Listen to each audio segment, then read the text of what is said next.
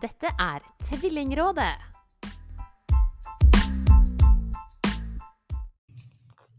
Ja, velkommen til Tvillingrådet for andre gang, Merete Solli. Takk. Nå går vi jo liksom way back. Ja. Så nå er det sånn, Sist gang så var det veldig gøy å treffe deg, fordi da kjente jeg deg fra Instagram. Nå har vi til og med møttes siden sist. Vi har det. Og det viktigste av alt, nå er jentene her. Ja, det er de. Og jeg hørte på jeg hørte på episoden vår litt på vei til jobb i dag, som jeg sa til deg i stad, så fikk jeg ikke hørt hele. Men en av de tingene vi snakket om, var den store magen din. Ja. Og så sa jeg noe sånt som at om et år så bør du dra fram et bilde av den magen. Fordi akkurat nå så tror jeg ikke verken du eller jeg syns at den er sånn gigasvær. Fordi vi er litt vant til sånne tvillingmager. Men eh, har du gjort det? For nå er det jo omtrent et år siden. Ja, eller jeg hadde i hvert fall framme et bilde når de var ni måneder. For da tok jeg et eh, bilde med begge jentene på magen, hvor jeg holdt de, og satte opp mot eh, den magen eh, som jeg hadde da når, ja, etter ni måneder. Mm. Eh, og den var svær. Og det, ja. Det er sånn Å, herregud. Det var akkurat sånn som jeg sa, tror jeg. ja. Eh, og er, man lurer jo liksom på hvordan jeg klarte å Jeg kom meg jo ikke så mye rundt, men hvordan jeg klarte å komme meg rundt i det hele tatt. Nei, fordi en annen ting vi snakket om, var det der med å gjøre ting tidlig. For du nevnte at du var glad for at dere hadde kjøpt hus og flytta såpass tidlig i svangerskapet fordi du hadde tenkt at denne sprinkelsenga den kan jeg bare montere, og så to uker seinere så sånn Nei, det kan jeg ikke. Ja. Mm. Det, det går ikke lenger. Nei, det var, eh, det var mange sånne aha-opplevelser på slutten, hvor eh, man fikk ikke ordna det man trodde man skulle fikse. For det sa bare plutselig stopp med alt, egentlig. Mm. Og da var det full stopp? Da var det bare å sitte i en stol, eller? Eh, ja, jeg lå vel eh, mest, egentlig. Eh, så jeg lå på sofaen og lå på senga og slet med å komme meg mm, trappa opp fra første til andre etasje. Ja. Så Og fikk vel egentlig det som kan fås av svangerskapsplager på slutten. Så Mm. det endte med at jeg gråtende på eh, undersøkelse på sykehus eh, sa at eh, dette orker jeg ikke mer. Og så ble jeg lagt inn og eh, fikk både smertestillende og sovemedisin for å sove meg i form til fødsel. Mm. Mm. Ja. Men jeg skal komme litt tilbake til det. Jeg har bare lyst til å på en måte mimre litt, som jeg sier. Eh, fordi det er jo Grunnen til at du var med Det høres ut som liksom grovt utnytta deg. Det var jo aldri verken meningen eller det var jo ikke noe mye om. Men det var jo for å få det perspektivet her. Og så var vel tanken kanskje at vi skulle møtes litt før, men så har det vært en pandemi som har vært eh, føles litt av og på. For sist, vi møttes jo faktisk sist dag Ja. og satt med god avstand over et bord. Og nå, nå er jo pandemien erklært for avblåst, nærmest. Men, men eh, det har faktisk gått såpass lang tid at jeg, jeg er nesten litt glad for det. For jeg tror noen av de perspektivene vi skal prøve å få belyst, eller i hvert fall sjekke med deg, da, eh, er enda mer ja, men kanskje interessante når vi har, når vi har det litt på avstand. Eller du, da, fordi jeg har jo tross alt ikke vært med deg hele veien. Eh, men vi snakket òg om, eh, om at du Jeg husker jeg kalte deg for den perfekte tvillingmor før du var blitt det, fordi, og vi lo til og med litt av det. Fordi i mine øyne så var du eh, født for det her. Da du hadde skjønt alle de tingene som jeg kanskje måtte skjønne etter at tvillingene var født. Du hadde forstått at det lå masse i forberedelser. Du hadde et vel, ja, men en sånn rasjonell tilnærming til en del av de hva skal jeg si, problemstillingene da, eller utfordringene som man jo møter når man får to på en gang. Eh, og så husker jeg jeg tenkte at her har du ei dame som Det er litt sånn du kaster tvillinger på deg, og så blir du litt stressa et øyeblikk, og så blir du sånn Nei, men ok, men da får vi bare liksom gjøre det sånn, da, og så blir det bra, og så var ferdig med det, liksom. Eh, og det er jo eh, Jeg vet ikke helt om jeg eh, bør si det jeg tenker nå, men jeg skal gjøre det likevel. Fordi det, jeg tenker sånn har, har det Det har åpenbart ikke knekt deg, men jeg er veldig på jakt etter Var det mulig å forberede seg på det som faktisk kom? Sjøl du som har gått over Grønland og vært på Kilimanjaro og gjort Kunne, kunne du for... Altså? Klar, var det mulig å forberede seg på den Nei. Nei. Nei, det er det korte svaret. Mm. Eh, og for én ting er at du kan forberede Du kan flytte inn i hus og komme deg ned på bakkeplan og eh, sette opp sprinkelsenga og alle de praktiske tingene. Mm. Eh, men det du ikke kan forberede deg på, eh, og som jeg tror du Du kan liksom ikke øve på det, eh, og det er å miste så ekstremt mye søvn. Eh, vi har jo hatt to stykker som har vært veldig urolige og, og sovet veldig lite. Og det nytter ikke å sove på skift når du har tvillinger, eh, fordi at du har hver din unge. Eh, og så tror jeg også at det, det, er ingenting som kan forberede deg på det følelsesmessige når du står der og begge ungene trenger trøst og eh, trenger et sett med armer. Og så har du bare ett sett med armer, for far må jo tilbake igjen på jobb. Mm. Eh, etter Vi valgte å gjøre så han var hjemme de fire første månedene. Men etter fire måneder så er du jo alene. Eh, og den altså, det, det, høres litt fælt ut, men du blir mentalt sliten av å ha to barn som krever deg 100% når du bare er én person. Mm.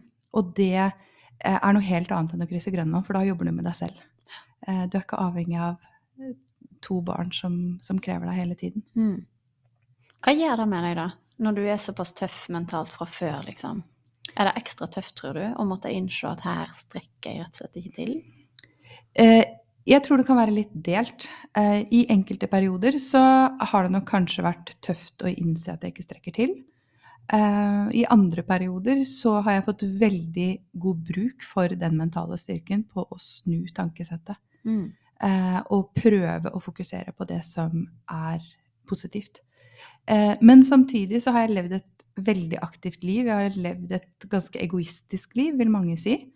Eh, og det å da være så uegoistisk og hele tiden måtte ta hensyn til to andre, mm. eh, det er jo selvfølgelig tøffere enn hvis du kanskje eh, er altså, yngre og får barn eller har barn fra før av, mm. så vil det på en måte skli mer inn i et vant mønster. Da. Mens for meg så har jo veldig mye av det jeg drev med tidligere, og som har gitt meg glede, det er vanskelig å få til når du skal ha med to små barn. Eh, mm. Noe av det hadde du kanskje klart hvis du hadde bare hadde hatt ett. Og så sa du noe Vi møttes jo på Tvillingdagen i år på, i Frognerparken, der uh, Tvillingparadeforeningen hadde et arrangement. Uh, og da, da beit jeg meg merke i noe som du Jeg tror egentlig ikke det var meg du sa dette engang, men du snakka med en tvillingmor Eh, og så var jeg tilfeldigvis der da. Eh, og det var kanskje et lykketreff, fordi man hadde tvillinger som sprang rundt overalt. så det var sånn, Men ok, nok om det.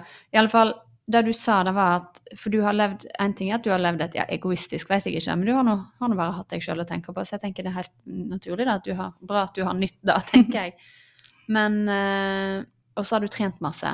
Mm. Og det du sa, som jeg, som jeg kjente traff meg veldig, mm. det var at for en person som trener så masse som det du hadde gjort, og som jeg òg kunne kjenne meg igjen i, selv om jeg ikke helt har gått over Grønland, det var at å ta vekk den treningen, bare da, å fjerne den kilden til endorfiner mm. i seg sjøl, det er nok til å gjøre et menneske deprimert.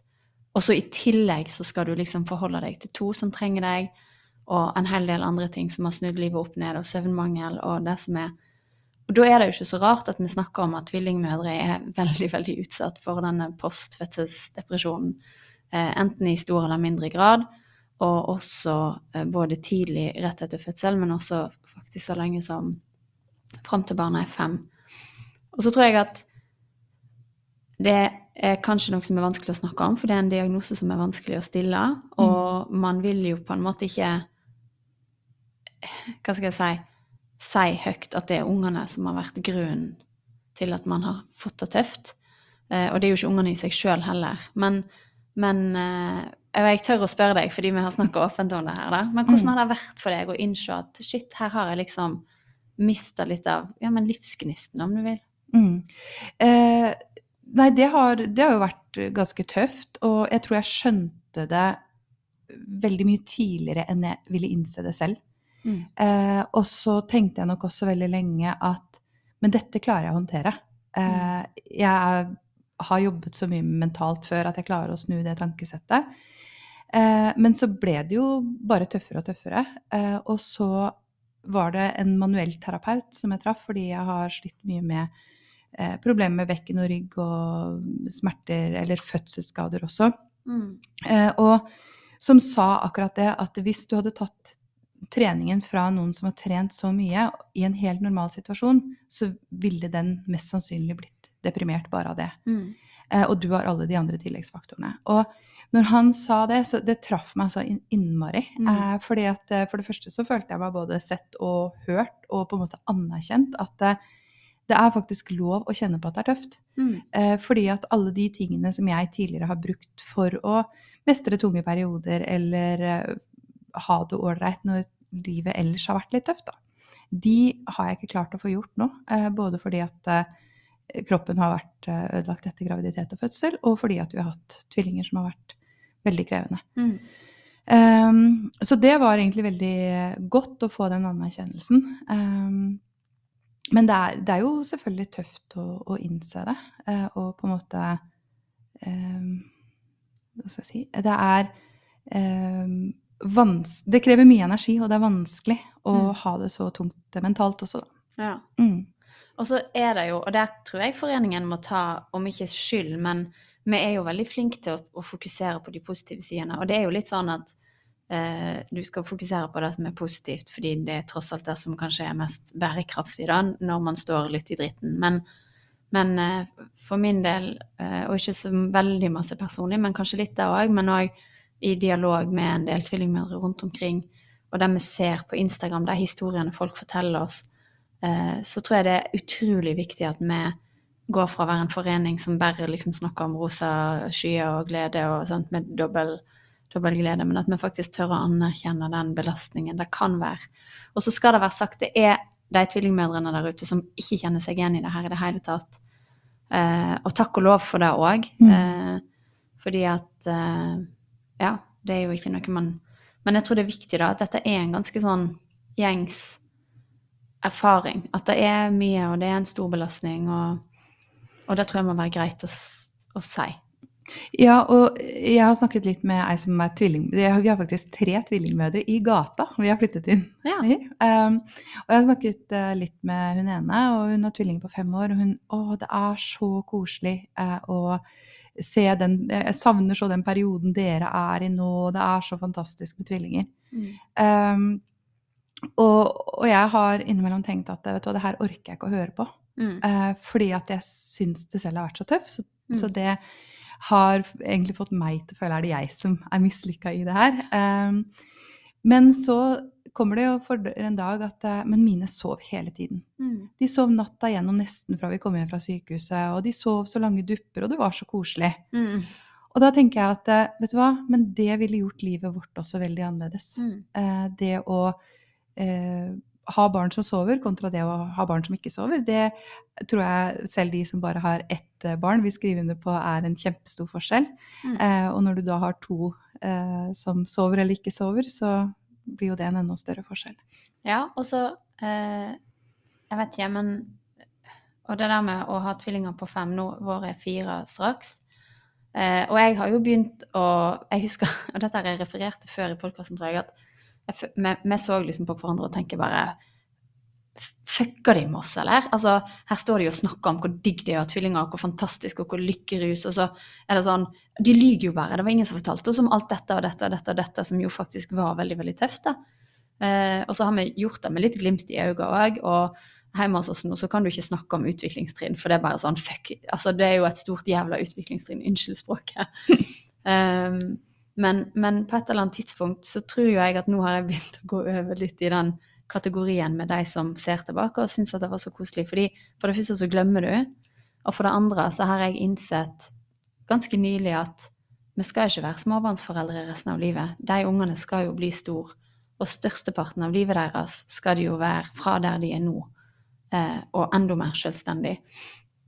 Og så kan jeg òg skrive under på, vi hadde konfirmasjon i går, at det, det kommer andre utfordringer òg med alderen, men de kler på seg sjøl, de kan lage seg litt mat sjøl, du kan liksom komme hjem seint fra jobb en dag uten at det blir krise, og du kan rasjonalisere på en helt annen måte. Sånn at ja, eh, eh, det er ikke så rart at vi kanskje følte oss litt lurt. Fordi det er en sånn naturlig overgang der rundt Ja, det skjer jo litt individuelt, og selvfølgelig, men tre-, fire-, femårsalderen. Eh, og så slutter det der jaget. Mens du står midt i den dritten nå, og jeg tror du er jo der nå som der jeg var når jeg begynte å jobbe med Tvillingforeldreforeningen. Eh, men men eh, hvordan har det gått sånn ellers? Eh, nei, det har, Logistikk, bleie Eh, det har jo egentlig gått ganske greit. Eh, det er klart eh, det er mye logistikk. Mm. Eh, når du rekker å skifte seks bæsjebleier før klokka er ti om morgenen, eh, så jo, Jeg følte at jeg fløy skytteltrafikk Mm. mellom stua og badet. Eh, vi fikk jo også to flaskebarn. Eh, jeg dela med en eh, periode. Eh, men, og det å skulle sterilisere flasker og Mm. eh, vaske og ordne, det krever jo Hvordan sitt. er det? Da er du to om matingen, men det er jo mye jobb med flaskene, da. Ja, det er nettopp det. Det er, liksom, det er mye jobb med flaskene og sånne ting. Så man blir veldig god på logistikk. Eh, og jeg tror liksom eh, veldig mange sånn Ja, men når de sover, så må du slappe av. Ja. Eh, og jeg har snakket med flere andre tvillingmødre, så bare Ja, men det kan du sikkert gjøre hvis du har én, men når du har to, så har du ikke noe tid ellers til å få fiksa de praktiske tingene. Så så fort de sover, så er det sånn OK, da er det flasker, og det er eh, få ordna klart eh, senga til neste gang, eller få vaska de klærne, eller Det er liksom alltid noe som må gjøres. Mm. Um, så logistikken er um, krevende, men man blir veldig god på det etter hvert, da. Mm. Det, man lager seg jo systemer og, og får en rutine på det. Hvis du skulle sette fingeren på én ting da, som velter korthuset litt fordi Sånn som naboen din da, som hadde det, så er det søvn, tror du? Fordi jeg tenker sånn, For en forening, hva skulle vi ha jobba for hvis vi skulle prøve å, å, å, å skaffe hva vet jeg, støtte eller hjelp sant, politisk? eller det, vi, vi kan jo gjøre en del i hvert fall med å prøve å påvirke.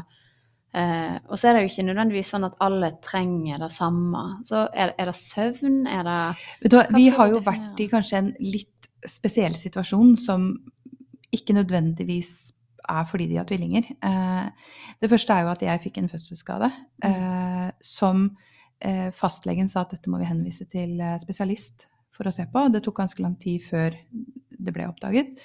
Um, og spesialist ville ikke se på det før det var gått et år. Og når jeg endelig kom dit, så sier jo den Oi, men du burde ha vært sykemeldt, for du burde ikke ha gått og båret på én unge engang. Og du har jo to. Mm. Eh, Så det er klart at det hadde vært en helt annen hverdag for oss hvis eh, jeg hadde blitt sykemeldt fra min permisjon, og far faktisk hadde kunnet vært hjemme og avlasta meg 100 Mm. um, Og så har vi jo hatt to barn som har sovet veldig lite. Vi har jo vært på søvnkurs med uh, Tvillingforeldreforeningen. Fikk masse bra Mm. tips der. Eh, blant annet så fikk vi vente av med flaske på natta etter at vi var der. Eh, men utfordringen er jo at de har jo grått og hatt vondt. Mm. Eh, og det har, har jo jeg tatt opp med helsestasjonen og leger eh, flere ganger, eh, men bare fått beskjed om at det er normalt. Det er normalt at de er urolige. Mm. Og så kom vi til en barnelege, og det er faktisk nå to uker siden eh, vi var der. Og da fikk vi medisiner for refluks, eh, stille refluks, og etter det så har de sovet veldig mye bedre. Det er fremdeles tenner og forkjølelse og Mm. sånne ting, men nå er det helt konkret hva det er. Det er ikke den at de ligger og vrir seg i smerte. Eh, og det er klart, det er jo ikke fordi at de er tvillinger, men begge to har hatt det. Mm. Eh, og begge to har vært plaget av det.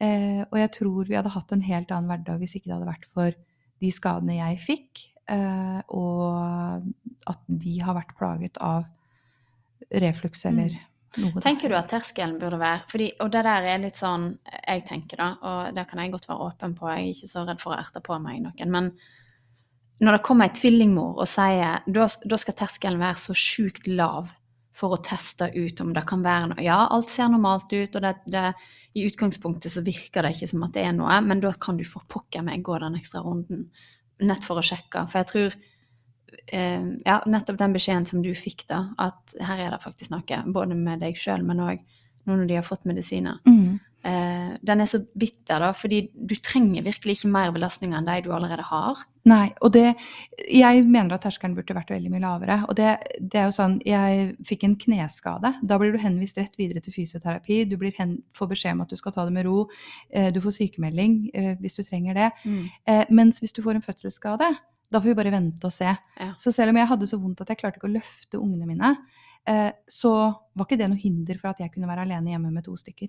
Mm. Eh, og det tenker jeg jo at eh, det, det burde du ikke være hvis du har én unge, men du burde i hvert fall ikke være det hvis du har to. Eh, og så var vi jo først hos én barnelege, og da fikk jeg høre at det var mest sannsynlig mitt, at jeg var hysterisk som gjorde at ungen ikke sov Mm. eh, på natta. Og når jeg, vi, vi kunne vise at medisiner, både Paracet og mot refluks, fungerte, så sier hun ja, men det er mest sannsynlig placebo. Eh, og da begynte jeg bare å gråte, og så gikk jeg bare derfra. For jeg klarte ikke å, å si noe mer. Eh, for jeg visste ikke hva jeg skulle gjøre. Eh, Jeg hadde ikke sovet på nesten et år. Eh, og så kom vi til barnelege nummer to, eh, og da sier hun det at dere ikke sover er i seg selv et problem, så dette må vi prøve å løse. Mm. Og da var jeg så letta at jeg holdt på å begynne å gråte igjen. Men bare det å bli hørt Det blir litt gråting. Ja, det, blir, det har blitt mye gråting Ja. det siste året. Men bare det å bli hørt og få hjelp Fordi eh, Ja, men dere får sove på skift. Ja, men vi er to, vi har hver vår. De hyler hele natta, begge to. Um, og, og det er liksom sånn Du har litt mindre energi og overskudd til å ta deg av to unger hele tiden. Eh, og bare en sånn ting, Det er to uker siden vi begynte på medisiner. Det var første gang vi klarte å være alene med de og legge begge to alene eh, nå i helgen. Mm. Eh, for vi har fått to nye unger både på dagtid og på kveldene og på nettene etter at vi fikk medisiner. Ja, og så, og så enkelt kunne det vært, sant? Mm, så enkelt kunne det vært. Og det, jeg tenker jo at det er helt fair enough, og at det finnes helt sikkert hysteriske både enligmødre og tvillingmødre der ute. Men det er den der ekstra runden da, som jeg tror Og som jeg innser at foreningen vår Vi er de eneste i landet som tilbyr akkurat det, og der har vi en jobb å gjøre. Eh, og så har vi litt begrensa kapasitet, men det må vi finne ut av. fordi sånn kan det ikke være. Det er så mange ting som det ville vært så enkelt å få gjort noe med hvis, Mm. vi, hvis vi kunne fått jo, men eh, delt disse. Og egentlig burde denne episoden spesielt i podkasten kanskje vært en sånn del av, av noe som alle helsesøstre og, og jordmødre osv. burde hørt. Fordi at eh, Ja. Det er jo òg sånn at tvillinger er veldig ofte Nå var jo ikke dine veldig premature, men eh, de er ofte det, og det er en del konsekvenser av det. Sånn at eh, Nei, jeg følger deg, og jeg skjønner veldig godt at det har blitt mye gråt. Men og da må jeg stille et sånt personlig spørsmål. Men hva har det gjort med den beintøffe, sterke, livsglade som mestra, og som bare hadde virkelig liksom koll på livet, og nå skulle bli tvillingmamma, glede seg til det, og så jo egentlig for deg at dette skulle gå eh, det, skulle jo gå bra, og det, har, det er jo ikke det at det har gått dårlig, men har det gjort noe med deg? At du har liksom måttet ha disse opplevelsene? da? Eh, definitivt. Og det, eh, det er litt sånn som du sier, at man skal ikke svartmale. Eh, og fornuftsmessig så vet jeg at dette her kommer til å gå over, og det er en fase, og man må prøve å nyte de øyeblikkene som er, for det er mange fine øyeblikk også. Eh, men jeg må jo si at når noen sier til meg at eh, men vet du hva, når de blir tenåringer, da kommer de til å sove. Da kommer du å irritere deg over at de ikke vil opp. Så kjenner jeg jeg blir, jeg blir så sint. Jeg, jeg blir så frustrert. Jeg bare, vet du hva, Det er et luksusproblem. Um, og i hvert fall liksom siste fire-fem månedene så har vel livsgnisten min vært totalt borte.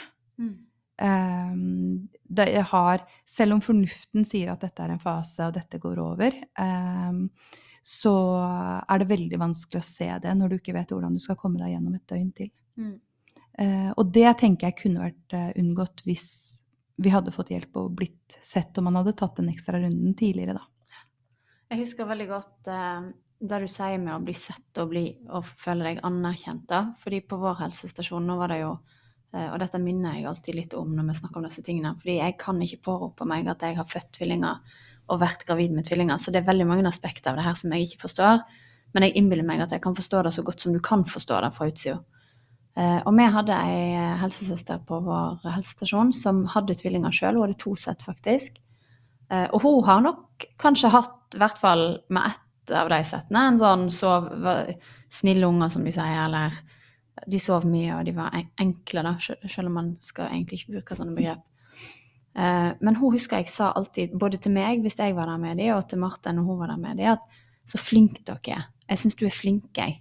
Mm. Og jeg syns liksom at eh, det der har du gjort bra, det der har du gjort bra. Dette går så bra. Og jeg skjønner at det kan være litt naivt hvis du sitter der med en alvorlig fødselsskade eller fødselsdepresjon.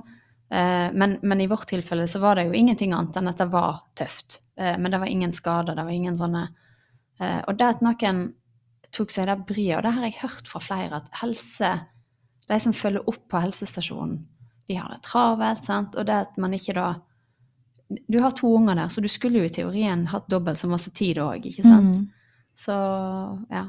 Da tenker jeg, når jeg hører deg, så tenker jeg at det er ekstremt viktig, den biten òg. Ja, det er kjempeviktig. Og jeg, jeg har jo på en måte gått glipp av den pandemien som har vært. Mm. Eh, fordi at jeg, jeg ble jo uh, egentlig sykemeldt ganske samtidig, eller rett etter lockdown, da. Så eh, jeg har jo på en måte vært hjemme med tvillinger og i tvillingbobla hele den pandemien. Mm. Så sånn sett så har jeg egentlig gått litt glipp av det. Mm. Eh, men samtidig så er det veldig vanskelig å skille hva er pandemi, og hva er tvillinger. Eh, for meg. Og det er klart at eh, for oss så ble eh, flere av konsultasjonene på helsestasjonen ble omgjort til telefonmøter. Ja. Så de bare ringte og spurte går det greit. Eh, og det er klart at det er veldig vanskelig å sitte på andre siden av en telefon og si at nei, vet du, det går ikke så veldig bra.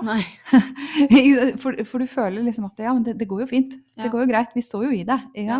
Og det er jo pandemi, så dere trenger sikkert en annen plass. Og- Ja. Det er veldig lett å tenke det, da. Uh, og jeg har nok også tenkt liksom at ja, men det er jo, det er jo mange som ikke er så ressurssterke og Mm. sånn som det jeg selv kanskje har følt at jeg har vært, da. Ja, men det Og har du jo vært. Ja, og som jeg da tenker at ja, men de trenger det jo mer. Eh, Det, det andre jeg skal ikke ta opp, jeg skal ikke bruke den tiden. Eh, Så det å eh, bli møtt på det, da Jeg har jo hatt litt flaks eh, sånn sett, fordi vi fikk jo heller ikke noe barselgruppe. Bare en sånn ting, det å møte andre som er i samme situasjon. Mm. Eh, Men takket være at jeg var her, så har jeg jo blitt kjent med en del via Instagram. Så jeg sier at jeg har skapt min egen digitale barselgruppe for tvillingmødre. Eh, og det har vært litt sånn redningen for meg, egentlig. Å få utveksle erfaringer med andre som er i samme situasjon. Mm. Ja. Jeg, jeg satt akkurat og tenkte på, bare fordi vi jobber med å få Jeg skal ikke si for mye akkurat nå før det er bekrefta, men vi får bl.a. helseminister Nakstad. Han er jo tvilling sjøl, han kommer til podkasten. Eh, og vi jobber med å få eminente politikere også til å komme og være gjest, som gjerne har tvillinger sjøl. Men hvis vi skulle benytte en sånn anledning til å, å hva, tenker du er liksom det viktigste man kan gjøre fra et politisk ståsted? Nå er det jo også kjent at eh, vår daglige leder Ragnhild har faktisk eh, kommet inn på Stortinget. Hun sitter som første rava, rava faktisk vara, for Anniken Huitfeldt, som har blitt utenriksminister. Eh, og Arbeiderpartiet eh, er jo eh, full av tvilling- og trillingforeldre, faktisk. Så hvis vi skulle gi heisann. Hvis vi skulle gjort en sånn oppfordring til politikere, hva tenker du er det viktigste at man kan gjøre med det tvillingspesifikke rundt enten det er helse eller informasjon, eller hva er det du hadde savna eller satt mest pris på? Det er et vanskelig spørsmål, syns jeg. Eh, Men jeg tror nok Men du veit jeg spør fordi du har engasjert deg. Ja. Men jeg tror nok det å, det å ha to foreldre som er til stede, Mm. det betyr ekstremt mye. Eh, og det andre er jo at man blir sett og hørt når man møter på helsestasjonen. Mm. Eh, jeg hadde en samtale med ei her i forrige uke, og hun, det var fagperson som Mm. sier at hun følte at det, det å normalisere ting på helsestasjonen og hos, på lege, hos legen kanskje har gått litt for langt. Mm. Fordi at alt er normalt. Gråt er normalt, gulpe er normalt. Eh, og det er veldig mye som er normalt, men har man tvillinger, så er det kanskje greit å ta den ekstra sjekken på Mm. er, er det noe vi kan gjøre? Er det noe man kan gjøre for å få mer søvn? Er det noe man kan gjøre for å eh, få hverdagen til å gå mer opp? Og jeg tenker jo også legen som mente at det var mitt hysteri som smitta over på barna. Ja, men da burde jeg i hvert fall fått tilbud om psykolog eller annen hjelp. Sånn at Mm. jeg kunne gjøre ting annerledes, da, hvis det var det som var problemet. Ja, for det blir litt for ofte sånn du må bare ta deg sammen. Der snakker Ja. man jo også om i psykisk helse generelt, ikke bare Mm. tvillingrelatert, men at man bare tar seg sammen. Mm. så ordner det seg. Eh, og så tror jeg jo at eh, hvis du møter ei tvillingmor på en helsestasjon, eller en tvillingfar, eh, som gråter, så tenker jeg at de tårene sitter nok mye lenger inne. Fordi at det er noe med at du, du veit allerede at det er tøft, så du skjønner sjøl at du må, du må nok takle litt mer enn det andre ville takle. Så du vil allerede pushe deg. Altså Lenge før du ber om hjelp, så vil du ha pusha deg mye lenger enn det noen andre kanskje har gjort. det, Fordi du, du veit at det er en del av jobbeskrivelsen som tvillingforelder. Ja. ja, og det følte jeg liksom at jeg var veldig forberedt på. At det kom til å bli mye tøffere å få tvillinger enn å uh, ha én. Eh, men uh, Og så må jeg også si at jeg blir også veldig ofte møtt med den Ja, men det, det kan være vel så tøft å ha én unge. Og det kan det absolutt. Det er ikke det at jeg skal snakke ned det å ha én unge.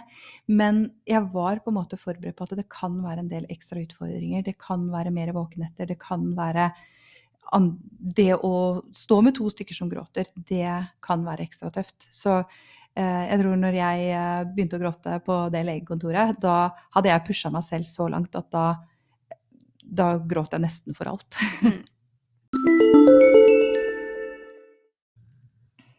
Ja, og sånn er det jo. Men Og jeg må jo bare si Det må jo ha vært Det må jo ha vært noe positivt oppi det her òg. Så hva er liksom For det husker vi snakket jo veldig masse om hva har man å glede seg til når man får to? Mm. Det helt klart at det er mye positivt også. Eh, og eh, den følelsen du får første gangen tvillingene oppdager hverandre, Mm. det er jo helt fantastisk. Eh, og vi hadde en periode sånn, ja, rett etter den tiden hvor de først begynte å fatte interesse fra hverandre. Så var det hver morgen når vi sto opp, så kikka Og vi hadde de på hvert sitt rom, for da sov hun ene bedre. Mm. Eh, og når vi tok de inn i samme rom, så kikka de på hverandre, og så begynte de å le. Og de lo, og de lo. Mm. Og det, det var liksom sånn De kunne sitte i fem minutter bare og kikke på hverandre, og så brase ut i latter eh, på nytt. Og de var så glad for å se hverandre. Og det er klart, da glemmer du at du har vært våken den natta. Mm. Ja, og da kommer jo alle de der endorfinene og det Mm. adrenalinet òg, for så vidt, som holder deg gående. Mm. Men hvordan er, ser du, for nå er de ett år og to måneder cirka, mm. har vi akkurat konkludert med. Ja. Hvordan er relasjonen deg imellom nå? Den er ganske god. De krangler om alt av leker, selvfølgelig. For det er alltid den leka den andre har, som er eh, morsomst. Mm. Eh, men samtidig så kan de plutselig eh, se på hverandre, og så De snakker jo ikke ennå, men eh, de sier et eller annet seg imellom. Og så raser de av gårde. Mm. Eh, og da kan de bli borte i alt fra fem minutter til en halvtime eh, før noen har slått den andre i hodet. Eh, og hvor du bare hører at de ler og koser seg, og de kommuniserer på sin måte eh, og har sin lek. Så det, det er helt fantastisk eh, å, å se på. Eh, og så ser vi også nå mer og mer at hvis den ene faller og slår seg og begynner å gråte, så begynner den andre å kikke seg rundt, og så finner den kosekluten, og så kommer den krabbende og Mm. gir kosekluten til den som gråter. Så herlig. Og så har de begynt i barnehage. Ja, det har de. Hvordan har det vært? Du, det har vært uh, veldig bra. Uh, de stortrives i barnehagen og ja. For det er jo der de er nå. ja, det er der de er nå. Det er så rart at liksom nå er ungene våre Og her sitter vi, liksom. Ja. Den, den, det slår meg av og til at shit, nå kan vi gjøre dette. Ja, det, og, ja, det var en veldig sånn de, de første dagen som de hadde full dag i barnehagen, så var jeg sånn Oi, men hva skal jeg gjøre med all Mm. denne tiden? Eh, Jeg sov, da. Ja. det var det jeg gjorde. Men eh, det var liksom sånn helt surrealistisk å ha kommet dit som eh, man kanskje bare for en måned eller to siden følte var helt overkommelig langt unna. Mm. Og så plutselig så satt man der og sa Oi, men nå er de jo borte en hel dag. Ja. Det, ja. Så veldig glad i barna mine, men eh, det er veldig deilig når de er i barnehagen også. Ja, ikke sant. Barnehagen er Ja, jeg tror i hvert fall all den tid med, med alle skal drive og jobbe og ha egne karrierer og sånn, og ikke minst brødføde disse familiene våre, så, så er det et veldig Jeg har veldig respekt for de som jobber i barnehage. Ja, absolutt. Og jeg syns eh, Dette skjedde sist jeg spilte inn podkast i det studioet her òg, at midtveis så bare dimmer lyset seg. Jeg tror hvis vi vinker litt, så kommer det tilbake. ja, sitter vi for Det stille. er sånn, ja, vi sitter helt i ro. Men er de veldig like? De er ganske like av utseende, eh, men veldig ulike personligheter. Det er ikke et helt idiotisk spørsmål, men jeg må ta det. Ja. Men har du funnet ut Fordi du har jo trodd hele veien at de har vært toegga, men jeg Mm. må jo innrømme at jeg syns dine jenter er veldig like. Sist jeg så de, da var vi jo på tvillingdagen eh, Mhm. 22. august. Eh, Vi vet ikke helt sikkert om de er enegga eller toegga ennå. Eh, De kan jo ha delt seg veldig tidlig, og, for de hadde jo hver sin uh, morkake. Mm. Uh, Men uh, ja, eh, jeg holdt på å si at vi ser veldig godt forskjell på dem. Men i går så klarte mannen min å legge barna på feil rom. Ja. Så hun som da bruker smokk, hun fikk ikke smokk når hun skulle legge seg i går, for hun havna på rommet til søstera. ja. Hvordan gikk det, da? Det gikk bra når vi fant ut av forvekslingen og fikk Ja, bytta rom på dem. Så, så de er ganske like. Ja. herlighet. Men altså, for en reise. Og jeg, jeg, jeg må si, jeg syns det er veldig sånn takknemlig å få lov å både treffe deg rett før eh, Som sagt, det var jo i uke 35, og så kom de Uke 37. Ja, Så det var bare to uker etterpå. Mm. Uh, og nå er vi ja, litt over et år etter at de kom, og det å kunne liksom følge den samme og historien og eh, Ja, så alle som hører på denne episoden, må også veldig gjerne søke opp den episoden fra sesong to med Merete, fordi det forteller en veldig ekte historie, og så er ikke den selvfølgelig eh, hva skal en si, Den passer ikke for alle, og det er ikke sånn det alltid er å få tvillinger, men, men det er en veldig Jeg syns det er en veldig sterk historie, fordi du, du har vært så Jeg må innrømme at jeg trodde dere skulle surfe gjennom dette her, litt sånn som Sara, som var gjest i første sesong, som bare hun, hun syntes det var kjempe... Det var det beste som hadde skjedd henne i livet. Og de tvillingene, de, hun nøyste ut, som hun sa. Og de sov, og de åt, og det var liksom Og så hadde de selvfølgelig masse hjelp. Uh, kanskje mye større enn det jeg i hvert fall har hatt, og, og med. Men uh, det er en sånn historie om at uh, det kan være ganske heftig, og det må være greit. Men jeg må også spørre, spørre deg, fordi du er jo etter hvert ganske rutinert tvillingmamma, både fordi du var godt forberedt, men du går jo inn i ting 100 òg, får jeg liksom inntrykk av. Så hva er dine tvillingheks? Det må jeg spørre om. Og så har vi det siste obligatoriske spørsmålet til slutt etterpå. Ja, mine tvillingheks. eh, Jeg tror eh, det å legge lista lavt, det er uh, nummer én. Helst under liksom bakkeplan. Ja, Ja. helst under bakkeplan. Uh, og det å liksom innstille seg på at eh, det vi får til, det er bra. Mm. Eh, Men selvfølgelig, det, du nevner jo det å få hjelp. eh, Og vi har heller ikke hatt veldig mye hjelp rundt oss. Og selvfølgelig også, som jeg sier, det er jo litt sånn hva er pandemi, og hva er uh, Mm. tvillinger? Ja. Men vi hadde jo en periode hvor eh, uansett eh, når vi planla besøk, så nei, nå er den i karantene. Nei, nå er den Mm. så vi har hatt eh, lite folk eh, rundt oss, og det å benytte seg av den hjelpen som du kan, det tenker jeg er, er kjempeviktig. Og så få inn gode rutiner, både for Mm. deg selv og for, for barna. Ja, det med rutine, og det òg er jo en litt sånn fuck you, føler jeg noen ganger, fordi det er ikke så lett. Men i den grad du kan, så tror jeg òg at det er, er veldig, veldig lurt. Ja, og faktisk eh, Jeg var jo på kurs med Tvillingforeldreforeningen før, og var jo veldig mye snakk om synkronisering. Mm. Eh, så det her blir sikkert litt av vann i kirken. Men eh, vi hadde to stykker som hadde veldig ulikt søvnmønster. Eh, og eh, som sov maks en halvtime. Uh, og de sovna ofte med 20 minutters mellomrom uansett hva vi gjorde. Og da vekte vi begge to, så den ene hadde sovet i 10 minutter, og da hadde vi én grinete unge. Så det var først når det var ei tvillingmafiaen som sa at hun hadde først klart å liksom senke skuldrene og finne en ro da, når hun droppa synkronisering. Mm. Eh, og jeg måtte gå noen runder med meg selv på skal, er, det det, er det dit jeg skal? Eh, da var de vel seks-syv måneder. Eh, og gjorde det. Og det var faktisk litt redningen for meg akkurat da. Mm. Fordi at da kunne jeg nyte å ha én unge mens den første sov. Og så hadde jeg to unger som var delvis uthvilte, i hvert fall. Mm. Store deler av dagen. Sånn at de, de var i godt humør.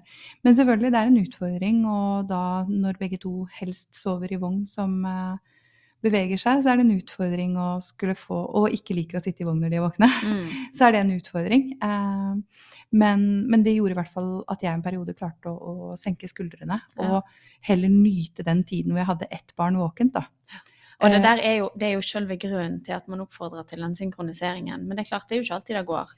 Og jeg òg syns eh, Jeg håper virkelig ikke at, at de kursene har gått og sagt at det må du gjøre. Men det er klart, hvis du får det til, så er det sannsynligvis det beste. Men så er ikke det alltid det går, og da må du gjøre det som funker best for deg. For da vil det være det beste i ditt Ja. Og, og det som også var etter en måneds tid hvor vi kjørte det regimet, da, så synkroniserte de seg selv. Ja, det Plutselig. Ja. Eh, rundt åtte måneder, så når vi gikk over fra tre til to dupper, så var de plutselig ganske så synkrone. Ja. Og da løste det seg selv. Og da var det sånn Oi, så deilig! Mm.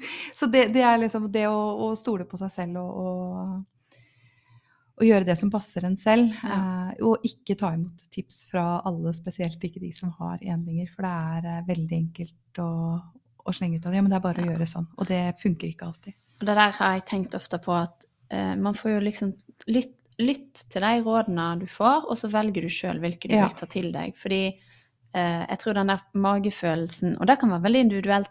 Altså meg og Marte hadde to helt forskjellige tilnærminger i enkelte ting. Mm. Eh, som der hennes tilnærming funka når det var hun som var alene med dem, og Mm. min tilnærming funka når det var jeg som var alene med dem.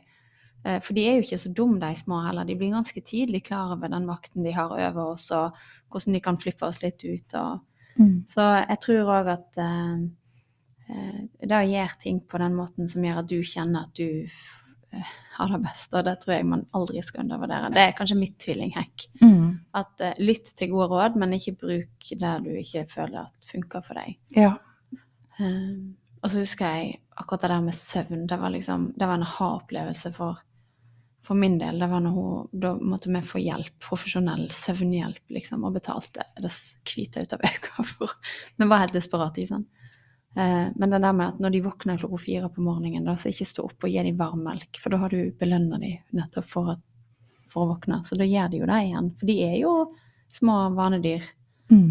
Så når vi slutta med det, da, da ble det litt Blant annet, og det var flere elementer inni den der valsen der. Men ja, da Det var helt sånne basic ting, som, og kombinasjoner av dem. som Så ofte er det lurt å lytte til råd, men man skal virkelig ikke gå på, på, på tvers av sin egen magefølelse eller mors instinkt. Mm. Fordi man veit sjøl best, og man kjenner sine barn best. Ja, man gjør det. Og jeg tok med meg det tipset om å ikke gi de varm melk på morgenen, da, så det har vi kutta ut. Ja, for det blir jo litt sånn ding. Jeg har i hvert fall ikke tenkt å ligge her og slumre, fordi jeg skal jo ha den flaska med melk. Ikke mm. Så eh, ja. Men eh, hun søvnterapeuten hun fortalte jo òg at uh, hun, hun hadde vært hjemme hos en familie der det var en enling, da. En sånn enling. Ut som vi snakker om aliens. uh, men han, han eller hun uh, kasta opp hver gang uh, mor gikk ut av rommet. Og da måtte jo hun skifte og sant, styre nytt sengetøy, ny push, ny kos, ny synging, ny alt. Eh, og hun kunne ikke skjønne sant, var det maten de hadde testa, allergi de hadde virkelig vært gjennom hele det løpet, og heldigvis møtt leger da, som tok de på alvor. Eh, og så stilte hun eh, sovekaren, som hun het, hun stilte seg i et skap når de hadde lagt den ungen. Observerte at han Da var han sånn to-tre år, altså. Stakk fingrene i halsen, sånn som barn gjør. Fordi at han hadde lært seg at hvis han kasta opp, da fikk han en ekstra runde med nattakos og og det er jo ikke, Små barn er jo ikke utspekulerte, men de lærer seg hva som funker, de òg. Og Mm. forstår, forstår jo absolutt ikke hvor manipulerende det er, men det er noe med at eh, ja, av og til så gjør man godt å sende det opp med at man graver litt sin egen Eller gjør seg en bjørnetjeneste, da, som det jo heter. Mm. Så, men ja, det var en fullstendig avsporing fra min side. Um, men uh, siste spørsmål som vi alltid stiller, det kunne du ikke svare på sist, så derfor fikk du ikke det spørsmålet. Men hva er det beste du syns med å ha tvillinger? Det beste er eh, det å se den gleden de har av hverandre. Mm. Eh, Det å se at de kommuniserer på et språk som vi ikke skjønner. eh, Og at de leker sammen og, og virkelig har glede av hverandre. Mm.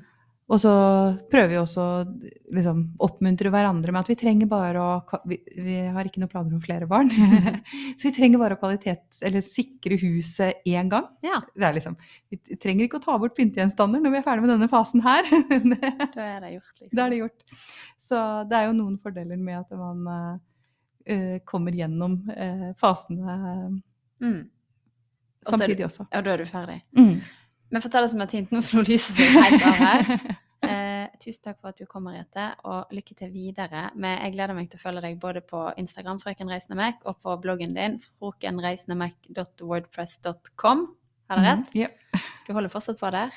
ja, jeg er nok mer eh, aktiv på Instagram eh, for tiden. Det er eh, rett og slett et spørsmål om tid til Ja. å samle tanker. Så Instagram er litt mer raskere. Skjønner jeg. Tusen takk for praten. Du har hørt på Tvillingrådet. Du hørte på Tvillingrådet.